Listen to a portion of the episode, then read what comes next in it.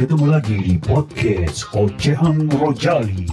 Ada cerita keseharian, puisi, kejengkelan dan keamarahan, ada juga kerinduan dan cinta. Yuk kita ikuti episode kali ini. Sambil merenung dan menikmati suasana di warung itu, gue lalu bertanya sama temen gue. Kalau lu tadi mau menceritakan itu perlahan-lahan, sekarang apa yang mau lu ceritain kepada gue hal-hal yang pertama? Dia tercenung sejenak, melirik matanya ke atas, mengedipkan matanya lalu mulai bercerita. Gini bro, kalau lu tanya bagian yang pertama, pasti bagian pertama itu adalah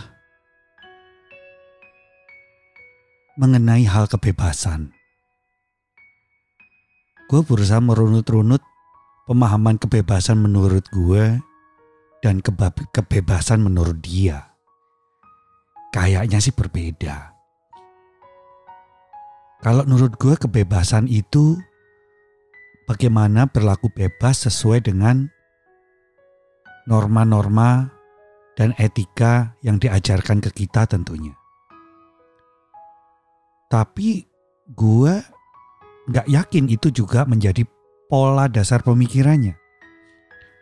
Pola dasar pemikiran di usia dia yang di bawah naungan orang tuanya, dalam pengawasan orang tuanya, mungkin 90% adalah kebebasan untuk melakukan apa yang diinginkannya. Mungkin bukan hatinya, mungkin bukan juga logikanya, tapi lebih ke arah nafsunya, dorongan nafsu. Nafsu itu kan bukan hanya sekedar seks ya. Nafsu itu ada lebih daripada ego. Ego yang tergelap itu namanya nafsu kalau menurut gue. Yaitu di mana dia ingin melawan kebebasan-kebebasan itu. Dia pengen melawan tapi supaya nggak dimarahi sama orang tuanya mungkin. Dia ingin melawan tatanan tapi nggak pengen dicaci maki atau dihujat sama sekitarnya mungkin. Jadi kebebasan itu adalah satu kebebasan yang sangat ambiguitas. ambiguitas. Ambiguity aduh kebebasan yang ambiguity itu yang kayak gimana bro? Gini, misalnya lu gak puas pacaran sama dengan satu orang, lu pengen pacaran sama dua orang. Gak puas dengan pacaran dua orang, lu kepengen tiga orang. Jadi misalnya lu pengen bisa ngeplot yang satu yang baik, kasih sayang, yang dua bisa ngasih lu uh, buat jajan, yang ketiga ini adalah buat main game, misalnya ya atau lu kepengen pacaran lagi yang lain-lain. Tapi namanya pacaran. Kalau pacaran mungkin dia nggak berpikir terlalu jauh. Tapi kalau pacaran berarti kan ada ciuman pegang-pegang cemek-cemek cemek-cemek susu raba-raba ramas bokong dan lain-lainnya kan.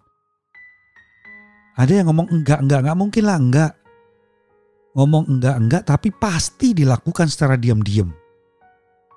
Ketika mereka berdua ketemu nggak mungkin nggak saling ber pelukan, nggak mungkin nggak berpegangan tangan dan sebagainya.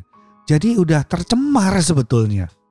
Nah, kebebasan-kebebasan yang gue maksud dalam hal itu adalah kebebasan dari rasa judgement, kebebasan dari orang-orang yang menyudutkan, kebebasan dari orang-orang yang ngawasi, dan dia hanya bergerak berdasarkan intuisinya. Sedangkan kita tahu bahwa intuisi itu digerakkan oleh ego yang paling primitif.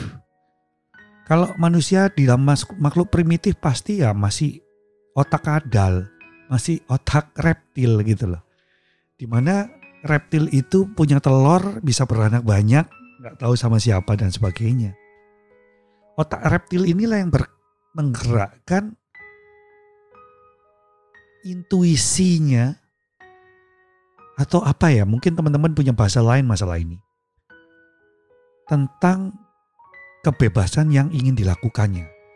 Mungkin mereka ingin hidup tanpa adanya dosa, mungkin mereka hidup tanpa adanya neraka. Mereka hanya melakukan apa yang mereka suka, tinggal mereka minta ampun dan diampuni sama Tuhan dan masuk surga. Dijauhkan dari marah bahaya, dijauhkan dari kemiskinan dan sebagainya.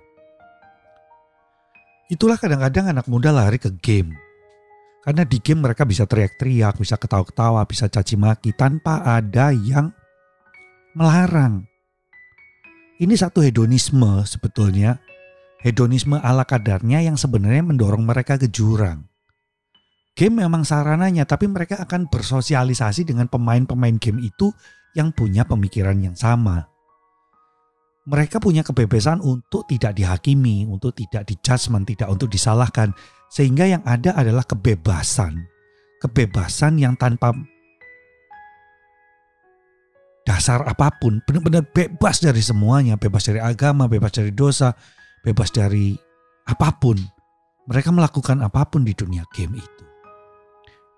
Nah, kalau sudah ketemu, ini yang akan jadi bahaya, yang ini yang terjadi sama gue sama si pasangan yang membuat gue resah tadi. Awalnya kan begitu. Dari main game, dia selingkuh dengan teman gamenya, pada saat selingkuh itu dia masih minta uang sama gua untuk kehidupan sehari-harinya, untuk jajan, untuk beli buku, untuk orang tuanya, untuk makan, untuk ke rumah sakit, untuk ke dokter, untuk kacamata. Pada saat dia selingkuh. Kalau dia dalam hubungan aja masih bisa seperti itu maka gimana hal yang lain? Kita tahu kalau kebohongan itu nggak bisa sembuh.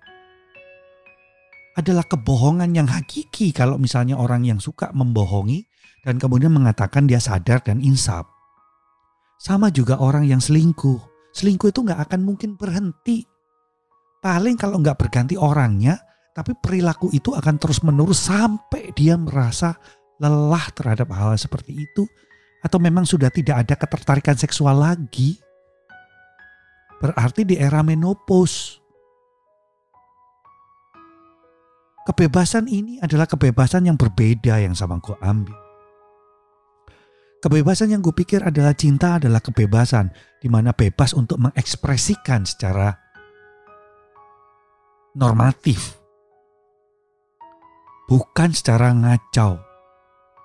Jadi kali ini yang ingin gue ceritakan adalah kebebasan itu sudah bukan merupakan kebebasan lagi, tapi merupakan kejahatan yang diakui sebagai keinginan bebas. Memanipulasi, berbohong, berselingkuh. Apalagi masa harus lebih tinggi derajatnya para pelacur itu yang tahu harganya, harganya satu juta, harganya 5 juta, harganya 3 juta, harganya 80 juta. Daripada yang gak pakai harga tapi melakukan manipulasi, melakukan pembohongan berulang-ulang, melakukan perselingkuhan. Jadi ketika harga diri ini menjadi semakin jauh di bawah para wanita tunasusila itu.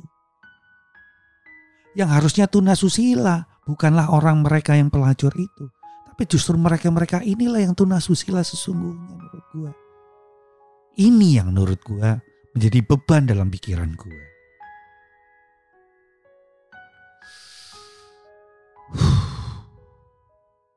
Iya iya iya bro. Kalau gue jadi lu juga gue gak tahan sih kata gue sama teman gue. Mana ada sih kalian-kalian yang suka dibohongin? Mana ada sih teman-teman Rojali yang suka dikelabui, dimanipulasi, dan diselingkuhi?